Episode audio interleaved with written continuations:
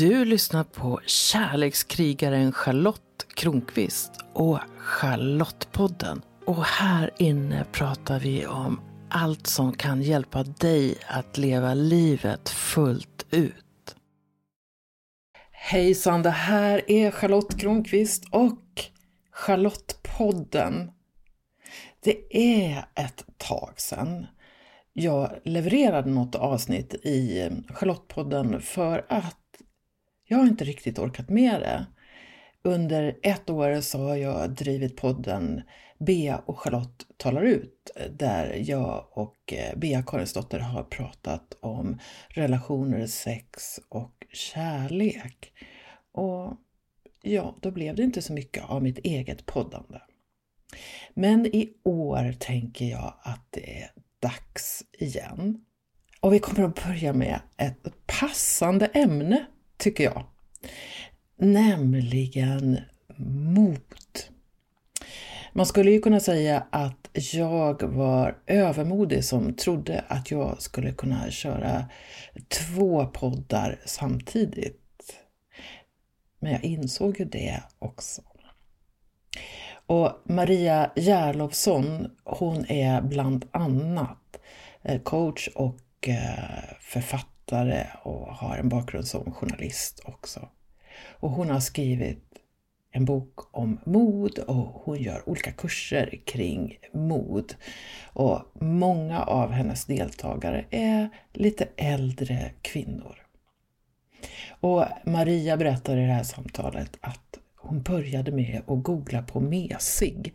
Kanske var det så att hon kände sig lite mesig och ville hitta det där med modet. Det blev mod i alla fall. Och Maria träffade jag eh, under 2021, faktiskt för ett halvår sedan. Och nu är vi 2022 och det är dags att sparka igång Charlottepodden igen. Jag är så glad att du är med och lyssnar och under våren 2022 så tror jag att du kommer få möta en hel del kvinnor.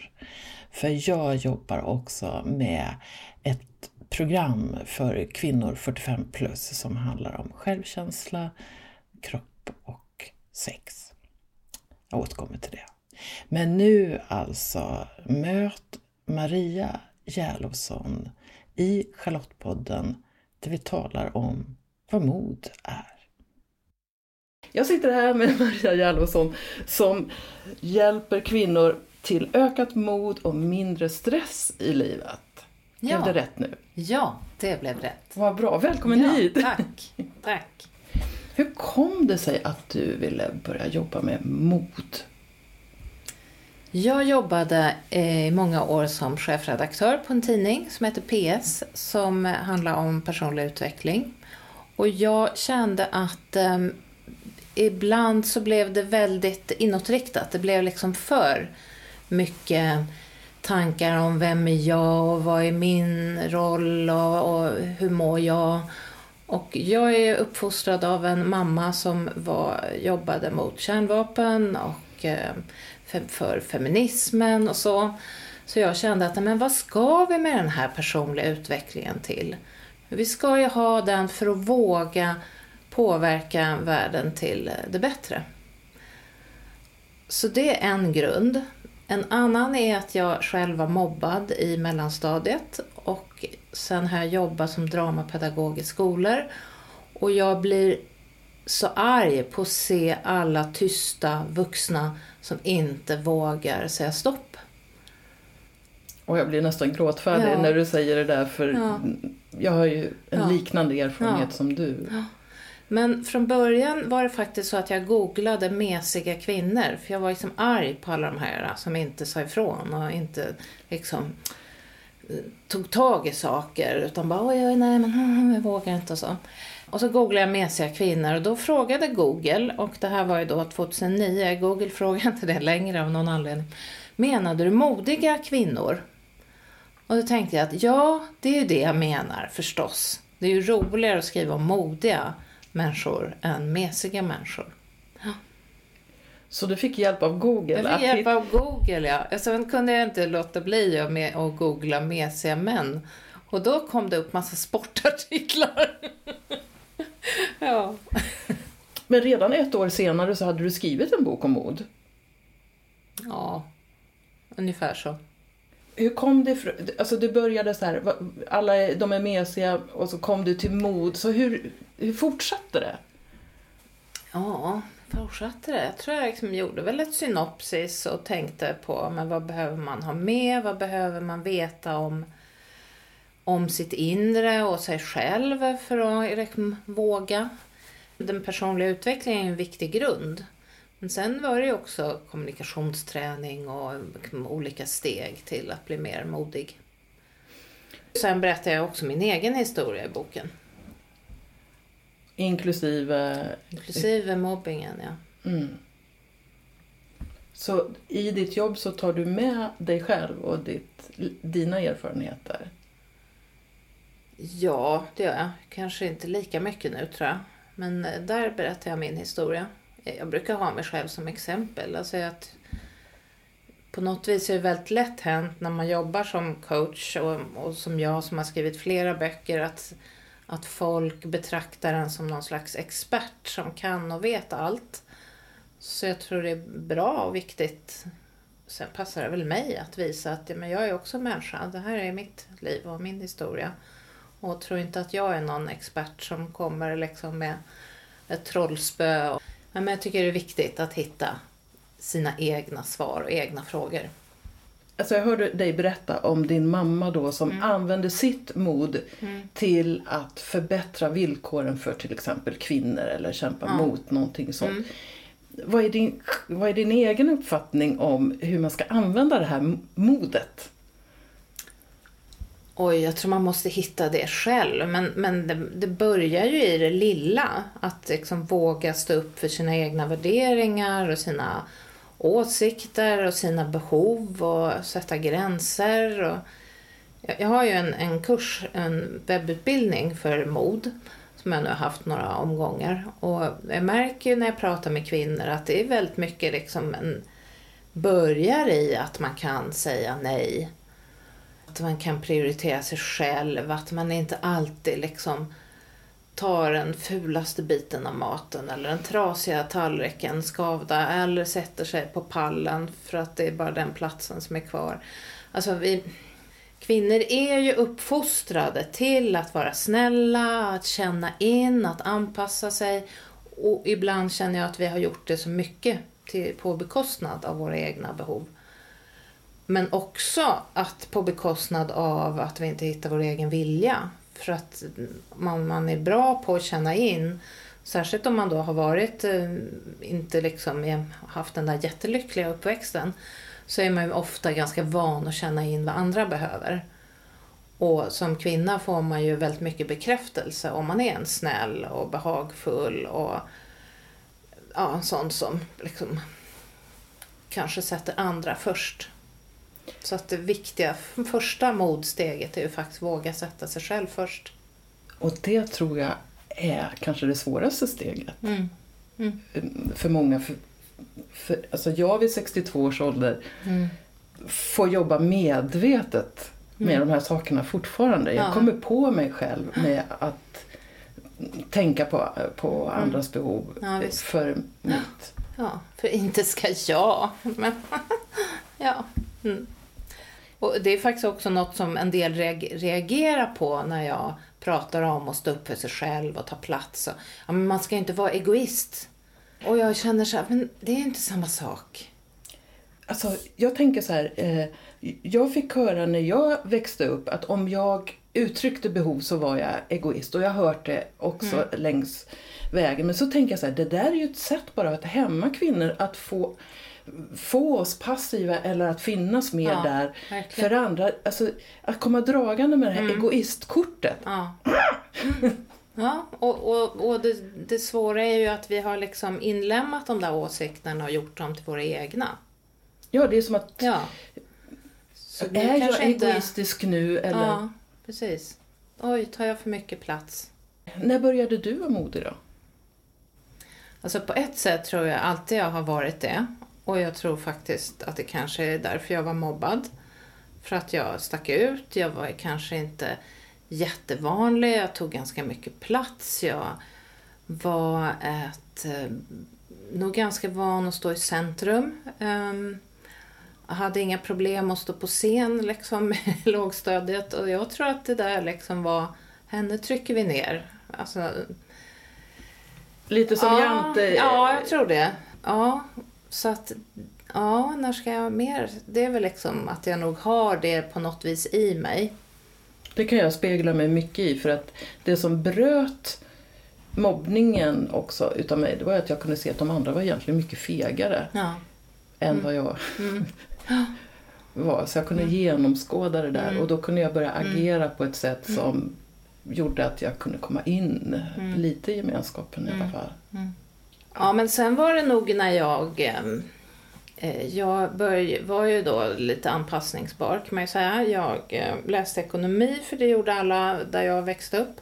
Och sen eh, var jag liksom inte alls jag. Jag var helt ointresserad. Jag vet inte vad jag gjorde där överhuvudtaget. Jag läste internationell ekonomi då med franska för jag älskade ju franska. och hade bott i Frankrike och så. Så mot slutet där så blev jag ekonomijournalist och jag pluggade till journalist. Så där var väl liksom första steget liksom i yrkesval. Att jag bröt det där, nej men jag ska inte vara ekonom. Igår, Mm. eller häromdagen, så såg jag ett porträtt av Björn Natthiko Lindeblad. Och han läste ju ekonomi Mm. Just på det. Handels. Mm. Och ja, sen blev han skogsmunk i Ja. 17 år. Det same same but different. Det där att, att du kunde någonstans känna att det här var inte ditt. Mm. Mm. Var det mer dina föräldrars val, tror du? Att det första, eller kompisarnas? Alltså, kompisar, var inte mina föräldrar, eller kanske mot. Min mamma var eh, ibland ganska hård och hon kunde ju säga att med alla yrken jag ville ha så var ju det inte möjligt. För att eh, jag ville ju bli psykolog eller kurator men då var jag för känslig och jag skulle ta hem alla problem. Och ja, så ville jag bli författare men det kan man ju inte leva på. Ja, så vill jag bli journalist, ja men de dricker ju så mycket och vi har väl alkoholistgener, det går inte. Så att det var liksom det här med ekonom. Min stora syster har ju läst ekonomi. Men eko- mamma visste ju inte vad det var liksom. Hon tyckte det var jättekonstigt. Så hon hade liksom inget att säga om det. Så jag tror lite var det liksom det. Och att jag absolut inte visste vad jag ville. Fastän det visste jag ju. Jag vågade inte. Det är ju så tydligt och, och det ser man ju på vad jag gör nu. Jag vill bli journalist eller kurator. Idag är jag coach och journalist och författare. det tog några år. det tog några år, ja. ja. Ja, så att, då kan man ju känna så här, men tänk om jag hade vågat och blivit uppmuntrad och känna efter vad jag ville och vad jag tyckte var roligt. Då hade jag kanske sluppit liksom 20 år av hålla på liksom. Sökande, onödiga jobb och ja, sånt. Å andra sidan så är det de sakerna som har fört dig ända hit idag. Ja, absolut. Så brukar jag visst, tänka. Visst, så är det ju också. Men jag tänker för andra. Jag tänker liksom de som börjar nu och som jag pratar med min dotter. Nej, men hon läser ju sånt som folk säger, vad blir man på det? Och jag säger ju inte det. Utan jag bara, vad härligt att du älskar det här. Du tycker det är kul liksom. Hon får väva sina drömmar Ja. och... Ja, och känna efter och, behöver inte tänka på att det måste bli ett jobb direkt. Du säger ju att du jobbar med, med kvinnor för att stärka deras mod men Mm. också för att motverka stress. Hur Ja. kommer det sig att du fokuserar kvinnor? Jo, jag jobbar ju med män också. Men eh, när det gäller kvinnor så har vi väldigt mycket liksom outtalade normer. Vi säger ju att vi är jämställda och det är vi ju på många sätt. Men vi har väldigt mycket normer fortfarande och stereotypa föreställningar om hur kvinnor ska vara och inte vara. Och det hämmar ju oss när vi ska vara modiga. Och tittar man på stress så är ju liksom den vanligaste sjukskrivningsorsaken för kvinnor. Det är liksom stress och psykisk ohälsa. Det är helt galet. Mm. Och jag, jag hittade ett gammalt klipp jag skrev. Jag var journalist på, på Svenska Dagbladets näringsliv 1988. Det var liksom ett stort uppslag jag hade gjort med stress, vår tids nya folksjukdom. Och när jag liksom tittar på hur har det varit det, det var liksom mitt första stora jobb där. Och vad har hänt? Det har ju liksom blivit ännu värre. Det är helt galet. Vad är det för samhälle när vi mår så dåligt så vi stressar ihjäl oss? Jag håller helt med. Jag skrev Mm. en bok för 15 år sedan som hette Bättre relationer på jobbet. Så Ja. eh, det är ett märkligt samhälle Ja. som vi skapar. Ja, verkligen. Så kvinnor blir mer utsatta i det här. Man, det finns ju forskning som visar också att kvinnor blir mer stressade när de kommer hem från Ja, jobbet för där väntar nästa Ja. jobb. Och sen har man ju också sett, alltså det finns så jättemycket olika forskningar på det, på skillnaden män och kvinnor. Men också att när kvinnor gör fel så tycker kvinnor att de är fel. Medan när en man gör fel så tycker han att han har gjort fel. Och det är ju en jätteskillnad. För när Skam har, respektive skuld. ja, och sku, alltså om man har gjort fel då kan man ju göra om ganska lätt. Men är man fel då ska man ju hålla på och det är väl därför alla kvinnor håller på med personlig utveckling också. Alltså att då är man fel, då ska man hålla på och justera sig själva. Och sådär. Så att, Innebär det att skammen, och skam och skuld är någonting du tar upp i dina program om mod? så väldigt lite faktiskt. Man får titta på liksom sin egen bakgrund för att förstå vad händer med mig. Utan det är mer liksom verktyg att hantera tankar, att komma vidare, pepp att våga, att se vad är, att hitta vad är det jag vill egentligen, vad har jag för styrkor, vad har jag för drömmar. Och sen också kommunikationsträning. Jag har också jobbat som eh, dramapedagog och improvisationsskådespelare. Jag kan höra kvinnor som ja, de väl vrider lite på huvudet på sned och sen ja, jag skulle vilja ha ett litet möte här. Så kanske det vore bra att prata lite om min lön. Eller så, fast jag vill inte begära för mycket men ändå sådär. Så att kvinnor kan ju behöva liksom, ta plats med kroppen och med rösten och få ner den liksom, i magen och ja, ta plats även på det sättet. Alltså jag tycker det är fascinerande. Maria och jag möttes första gången för 25 år sedan eller något sånt där. Och så liksom, vi känner ju inte varandra väl men, men vi känner till varandra och sådär. Och det är så många beröringspunkter som jag inte visste. Så min första bok heter Börja tala och handlar om att tala inför grupp. Och för mig handlar det om att stärka eh, personer så att de har självkänsla nog att våga stå där. Så jag, jag har jobbat otroligt mycket med det där och, och just det här med rösten.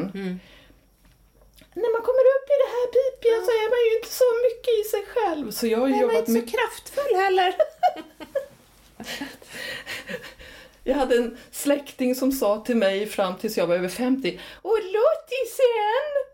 Man tänkte, blir hon någonsin liksom vuxen, Vuxen. i sitt språk? Ja. Så jag är ju jag ju, lyssnar väldigt mycket på liksom, röstläge Mm. och så. Och jag tycker att man kan avgöra en del. Liksom hur grundade människor Mm. är, hur trygga de är i sig själva. Så jag tänker det där, ta ner andningen. Ja. Superenkelt på ett Ja. sätt och kan betyda så mycket. Och sen vet man ju att alltså, om du har ett kraftfullt kroppsspråk så får du bättre självkänsla. Och du får andra typer av hormoner i kroppen. Så man får mer testosteron om man liksom står upp och breda med benen och upp med liksom bröstkorgen. Så, så får man liksom andra typer av hormoner i kroppen också. Ah, det där med testosteronet visste jag inte. Jag har ju känt av adrenalin Mm. Ja, eh, just mycket det. i sådana Ja. situationer. Men, Så att eh, det är ju ett sätt att bli modig. Bara så börja liksom prova att ha ett mer kraftfullt kroppsspråk och röst. Spännande. Du, du som lyssnar, känn in dig själv och se om det är någonting du kan gö- eller vad du kan göra för någonting eh, där. Har du någon koll på vad det är för kvinnor som väljer att gå dina program? Du har ju kört några år nu med, med eh, webbaserade lösningar och jag gissar att det har accelererat under pandemin också. Mm. Jag har haft live innan. Jag hade första webb i januari faktiskt. Men ehm, ja, det är väldigt mycket kompetenta kvinnor som alla andra tycker att de är modiga och starka. Men de tycker inte det själva.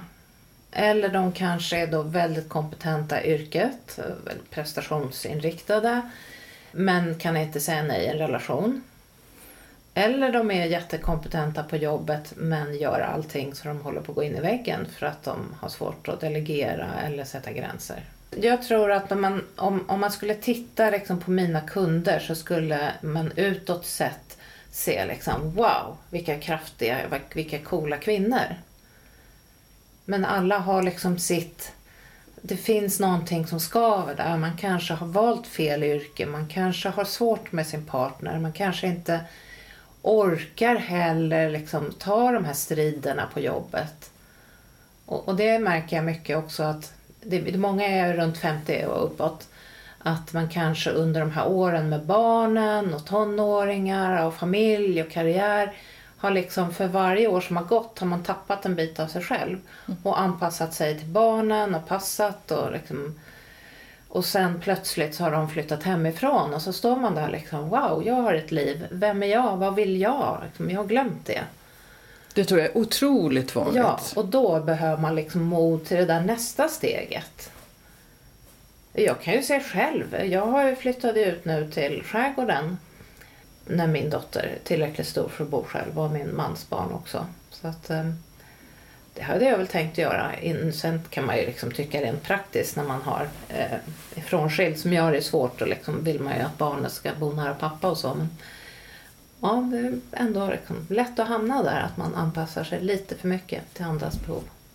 Jag tänker också att en sak som jag kommer att tänka på eh, med de här kvinnorna som kommer, att eh, i alla fall en känsla som jag ibland har haft, det är att men jag är nog egentligen en bluff. Mm. Tänk om de kommer på det. Ja, just det. Man är superkompetent men på mm. något sätt mm. så är det ändå någon känsla av att jag borde vara ännu bättre, ja, jag, borde vara än, ja. jag borde klara ännu mer. Man sätter ribban liksom där man inte kan komma upp mm. till den. Är ja. det något som du kan... Ja, det är väldigt många. Och även bland dem jag coachar liksom, är det ju väldigt vanligt. Som bluffsyndromet. Mm. Liksom, att, och, och, och man kanske inte tänker så. Men, men om man tittar på beteenden så är det ju att man alltid måste kolla liksom, rapporten en extra gång. Och man rättar alltid alla stavfel i alla mejl även om det är liksom bara någon liten, om man råkar säga haj istället för hej liksom. Åh gud! Det är liksom jättefel då. Alltså det blir så. Man förstorar. All, allting måste kontrolleras extra eller man gör eh, Eh, men det har jag sett så mycket, sådana här när man gör rapporter på jobbet. Så även om man, det bara är ett litet avdelningsmöte så gör man världens snyggaste powerpoint med design och blupp och grejer som flyger för det måste vara så bra. Fast man bara ska prata om vad ska vi göra den här veckan. Liksom, om jag överdriver lite. Men, men att det finns jag tror inte man tänker, det är inte många som tänker att ah, jag, jag tror inte att jag duger. Men i beteendena märker man att man kan liksom inte slappna av och släppa loss och göra fel. Är det, det här att kunna slappna av och även tillåta sig att göra något fel, är det en del i modbyggandet på något ja, sätt? Ja, det är det ju. Och, och, där brukar jag göra en övning när jag är ute i organisationer eh, som är från improvisationsteater, för där måste man ju träna sig på att göra fel. Och att det liksom är, är en bra grej, för det visar att man har vågat liksom släppa allting. Så då ska man göra en övning som är jättekomplicerad och varje gång det blir fel så ska man ropa ja, det blev fel! Och så ska man fira det här då. Och, och det, det är så fascinerande att se människor göra den övningen. För alla är så otroligt koncentrerade på att göra rätt. Alltså vi kan inte göra fel. Och det, och det är liksom... Ja, det är så fascinerande, tycker jag. Jag valde ju att bli frilansjournalist. Mm efter att jag har haft ett fast jobb och då blir jag bedömd varje gång och varje gång typ så avgörs det om jag får nästa jobb eller inte. Så, så jag har det här, jag måste vara duktig hela tiden annars mm. riskerar jag eh, någonting. Och då var jag med några kvinnor som sa så här, det här är en hämsko för dig Charlotte. Nu ska du börja med någonting där du är garanterat dålig. Mm. Där du inte har en chans att briljera eller mm. någonting. Börja med vad som helst, dansa salsa mm. eller någonting. Tillåt dig att mm. inte vara duktig. Det var jättesvårt. Ja, ja. Men nu gör jag en del sådana ja. där mm. saker. Det, det, är ju att släppa kontrollen mm. också på något sätt. Är det en del i det? Ja, det tycker jag. Sen kan det ju vara, alltså jag tycker det handlar ju också om att veta när behöver jag anstränga mig och inte. Alltså vissa lägen är det ju så. Jag menar, är du egenföretagare och behöver få in jobb, det är klart att du ska lämna liksom bra kvalitet. Men du kanske inte måste ha rättstavningskontroll på allt du skriver i ett mejl. Det är inte liksom hela världen om du skriver en fel bokstav i ett mejl. Att kunna värdera när, Ja. det, när det är viktigt att lägga ner rätt Precis. eh, engagemang i rätt Ja. saker. Ja. Det kanske kan vara en bra så här inventering, att man inventerar Ja. vad man tar i för mycket Ja, och vad det Ja. som... Jag har en kompis som eh, också jobbade som coach som sa att, att kvinnor kan betyda, eller kan behöva ibland så här att vad kan jag låta bli att göra? Mm, just det. Vad kan jag sluta med? Ja. ja. Och vad ska jag säga nej till? Har du själv haft svårt att säga nej någon gång?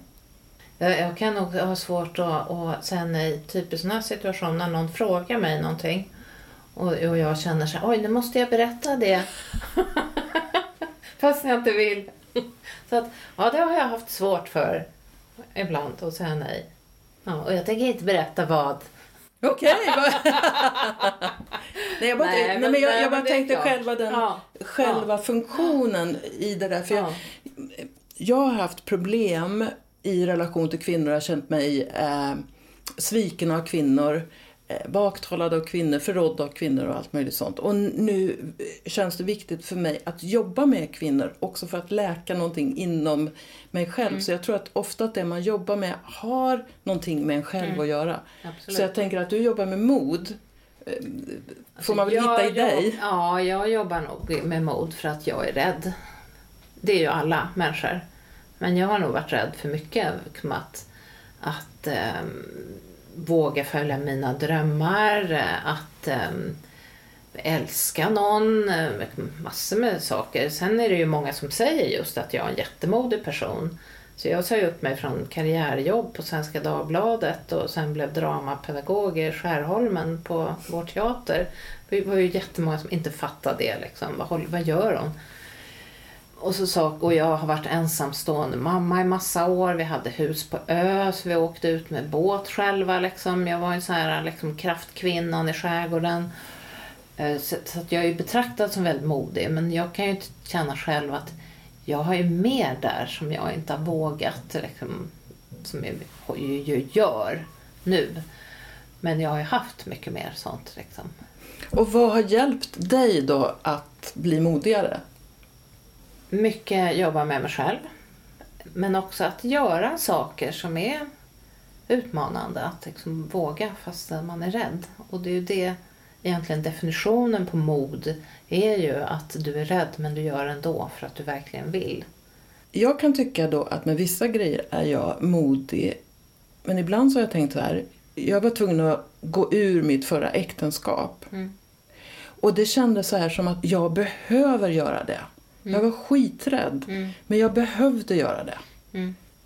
För mitt eget livs skull. Ja. Liksom. Ja, Det kan man ju betrakta som modigt. ja visst. Men det var ju också nödvändigt. Ja, ja, visst. En hel del människor som är kvar i saker trots att det är nödvändigt för dem att de inte är det. Ja. Tyvärr. Så att man gör det. Det är... Så att en- göra det man verkligen är rädd för är ju det som är liksom det största modet. Och det kan egentligen vara något pyttelite. Ja, ja, för visst. andra pyttelitet. Visst, visst. Och det kan ju vara precis det jag liksom ser att de här eh, Liksom, det kan ju vara människor som jag har mött som jag beundrar. Som liksom, jag tycker de är fantastiskt modiga och jättekola. Och sen kommer de och pratar om någonting som de är rädda för. Som jag inte förstår. Alltså att de inte kan sätta en gräns till sin partner. Eller låter den partnern vara eh, för arg liksom och otrevlig. Det är ju sånt som jag skulle liksom aldrig acceptera det. Sen så gör ju de saker som jag inte vågar. Så det är ju väldigt individuellt vad som är mod.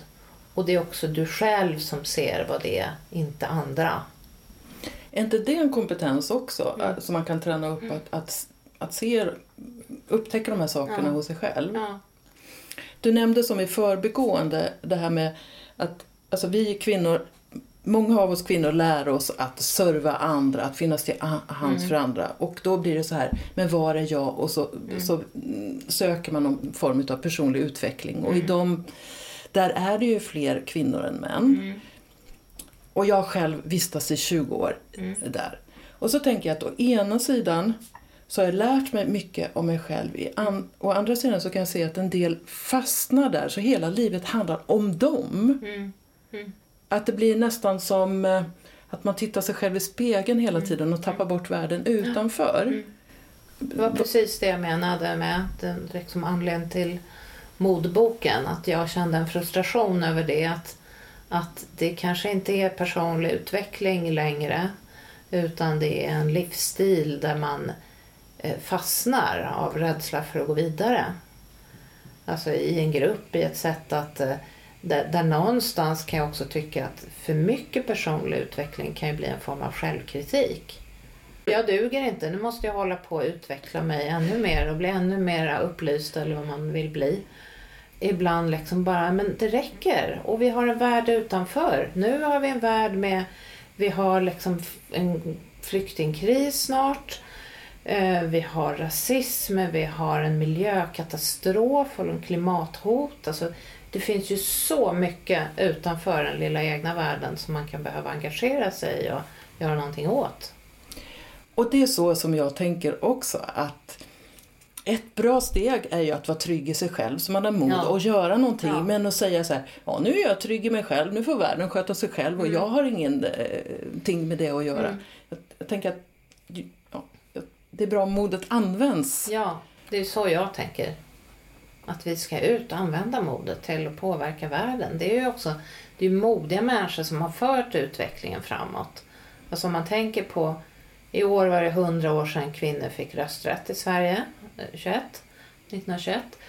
Vad hade hänt om det inte hade varit massa modiga kvinnor som hade protesterat mot att kvinnors röst inte fick höras?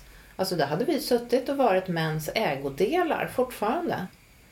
Om, du, om vi säger att det kvin, det är mycket kvinnor som är i 50-årsåldern och lite över som, som kommer till dig. I en, många i en livsfas Mm. då, där på ett sätt livet öppnar sig och deras egna möjligheter öppnar sig.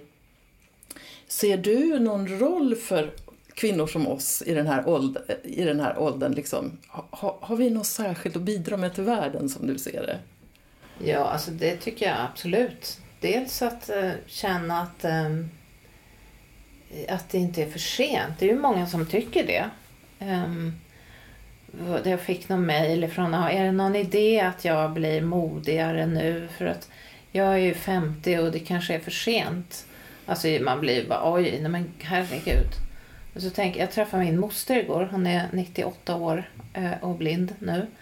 Men hon debuterade som romanförfattare när hon var 80.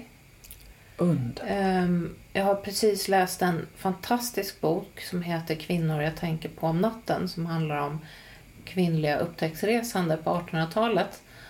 Och de flesta av dem började när de var 40, 50, en del liksom ännu längre. Och, och på den tiden fick ju kvinnor knappt resa själva om det inte var hälsoskäl eller pilgrimsmissionärsresor. Liksom. Och, och man, ja, det var en jättespännande bok. Ehm, men, men den, och den författaren, jag var på en intervju med henne och hon sa just det att för henne själv hade det viktigaste med att studera de här kvinnorna var att inse att det är inte för sent. Liksom. Man kan göra det när man är 50, 60, 70 så kan man ändra sitt liv och göra det man vill om man inte har gjort det redan. Ja, Och det, ja, det är ju där vi har en roll. Att på något vis visa att ja, men, det här gör jag nu.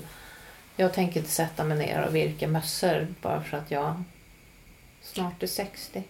Ja, men det är som, eh, eftersom jag skriver mycket om, om lust och sexualitet och sådär så fick jag en fråga om, eh, om jag ville vara med i en tidning och prata om eh, liksom, Frågan var egentligen så här, kan man vara mormor och kåt? Och jag bara, självklart kan man vara det. Man kan ha lust hela livet. Mm. Men det är som att en del kan tycka, då, ha åsikter. Alltså det är ju lätt när man är yngre än en ålder, man har ju inte haft den. Nej. Så det är lätt att man kan ha åsikter om den Ja. åldern och då kan man tänka, men gud kvinnor som är i 60-årsåldern kan väl inte hålla på med sex fortfarande, det verkar ju jättekonstigt. Ja. Men då också att visa att livet, vi kan ha kvar alla möjliga saker i livet. Vi behöver inte bara begränsa det förrän kanske kroppen säger ifrån eh, eller någonting då. Mm. Så, så, så jag tänker att det är nu som vi har som mest att bidra med. Ja. Mm. Jag tyckte att jag läste att du hade någon ny kurs på gång. Dels har jag då en modkurs som heter Mod, stå upp för dig själv som finns på min hemsida då. Act and Grow. Så att Agera och Väx heter mitt företag. Sen har jag också gjort en lite lättare webbkurs som är med så här frågor där man kan hitta sitt drömliv. Och det är ju många så här liksom, frågor som hjälper en att reflektera över det egentligen. Och nu senast har jag gjort en eh, kurs i stresshantering. Och det är ju både för liksom, vem som helst som vill ha hjälp med sin stress och förebygga stress. Och, men också mycket för de som har gått mina kurser att ha liksom kvar som repetition.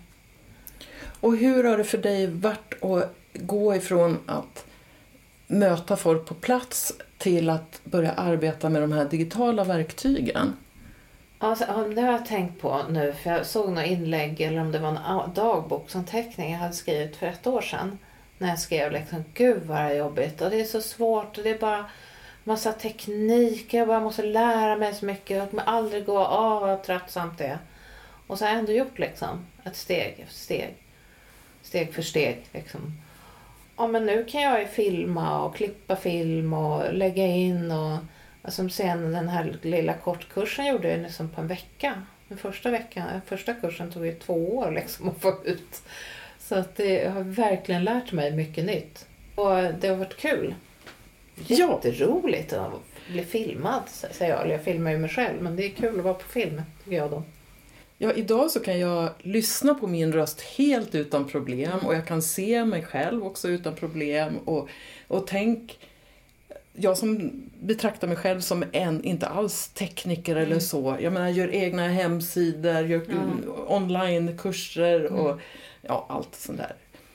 Och det tycker jag också är en häftig grej. Så här. Det finns alltid en möjlighet, om man har lite mod, Ja, och vågar testa. För att det blir ju lite fel Ja, precis. ibland och sådär. Och, och där har jag faktiskt varit lite noga med att jag inte rättar fel när jag säger fel i filmer. Jag säger fel ord ibland i mina kurser.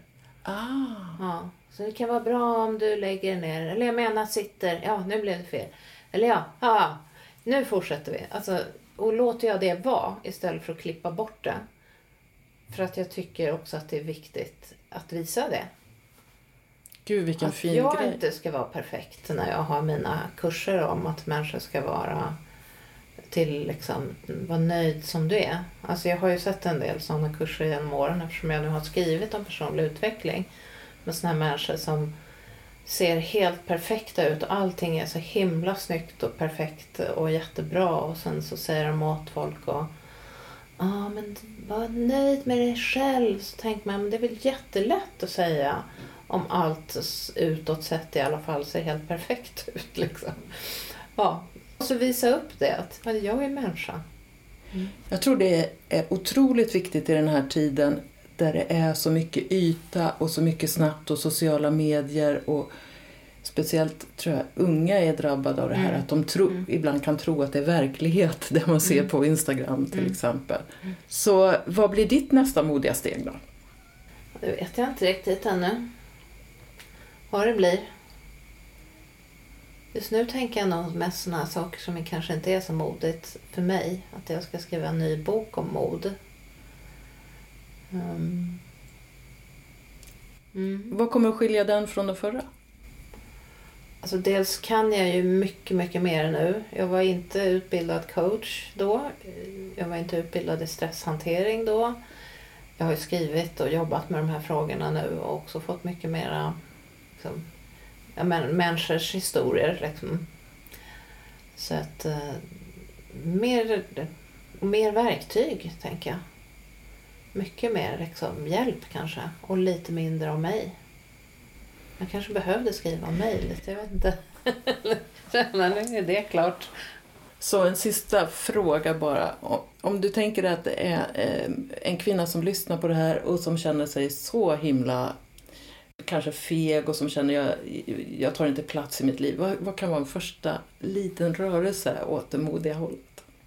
Det kan faktiskt vara att sluta säga sådana ord som små och Liksom. Lite att eh, skippa sådana här små ord som eh, egentligen eller kan vi prata lite eller tror du att du kan hjälpa till lite hemma? Eller istället våga vara liksom tydligare med nu vill jag prata. Kan vi prata? Kan du hjälpa till? Eller hjälpa till, det är så konstigt när vi säger det till vår partner eller barn. Liksom, nu delar vi på det här. Liksom. Och, och, det kan vara svårt, men bara liksom vara, vara med, börja liksom titta på hur, hur man beter sig. Bara det att bli medveten om hur jag beter mig kan ju liksom göra att det är lättare att vara modig. Och det... sen tycker jag också att man ska försöka vara med människor som eh, peppar en när man är modig och inte som liksom oj vad du tog plats nu eller oj. Ja. Alltså det, eh, jag kommer ihåg när jag var, jag var ju väl 30 när jag blev dramapedagog och då var det ju en del som sa ja gud, men när ska du bli vuxen då? Alltså den, där typen av kommentarer, alltså de, man ska inte vara med sådana människor. Man ska hitta dem som liksom lyfter en och även om man inte går den här vägen som alla tycker är den raka normala vägen. Alltså att, att ha den typen av människor omkring sig. Så tänk på att inte använda ord som förminskar ja. eh, och också om det är människor som mm. ger väldigt dåliga vibbar, ja. eh, välj bort dem. Lite så. Ja. Och sen tycker jag faktiskt, det vi pratade om här inne, det här med kroppen och rösten. Lek med kroppen och rösten. Testa andra kroppsspråk än du brukar ha. Testa vad som händer om man tar mer plats med kroppen. Gå på gatan jättebestämt och bestäm dig för att alla ska väja som du möter. Eller ha lite högre rösttonläge eller högre volym och lägre tonläge så du pratar riktigt ner i magen. Så, lek med det, liksom. ha kul med kroppen och rösten. Åh, vad härligt slut. Jag som gillar lekfullhet, så det är där vi kan ja. hitta något. Tack Maria för att du kom hit ja, idag. Tack själv. Ja, visst är hon härlig, Maria Järlosson. Det där med att också visa omvärlden att hon inte är perfekt. Ja, det är modigt. Och om du behöver träna på mod, sök gärna på Marias namn så hittar du kurser, numera ofta också online kring det. När jag spelar in det här så lever vi fortfarande i en tid av restriktioner till följd av eh, covid-pandemin eh, och jag hoppas att omikron gör att det snart har blåst över. Eh, jag börjar ändå försiktigt att ordna tantrakurser igen och i slutet av februari, den 18 till 20 februari 2022, så har jag en parkurs i lekfull tantra. Och sen kommer det en parkurs den 22 till 24 april också. Någonstans där så kommer det också att vara en kurs för dig som inte är ett par, men jag har inte lagt in det datumet än. Så det jag vill skicka med dig är en känsla av kärlek och framtidshopp och lite mod. Ha det fint. Hej! Kom ihåg att prenumerera på Charlottepodden så att du är med när nya avsnitt kommer. För vem vet vad du kan få lära dig om livet i det avsnittet? Rekommendera gärna podden till en vän så är du med och sprider vetskap om att den här podden finns och berätta vad den ger just dig. Jag skulle bli så glad om du också går in i din podcast-app och lämnar en kommentar eller skriver en recension av podden. Ju fler som gillar podden öppet, desto fler kommer också att hitta den.